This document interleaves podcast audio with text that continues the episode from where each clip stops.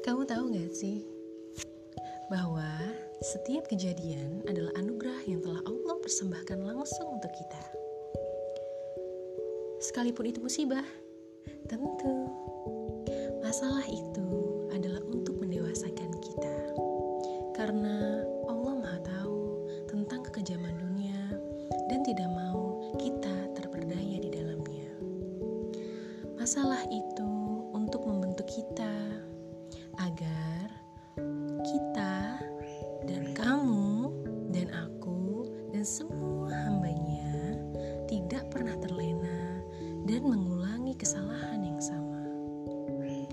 Masalah itu untuk membersihkan kita agar kelak saat kita kembali dan menghadapnya sungguh dalam keadaan suci tanpa sekecil pun noda. Semoga Selamat malam.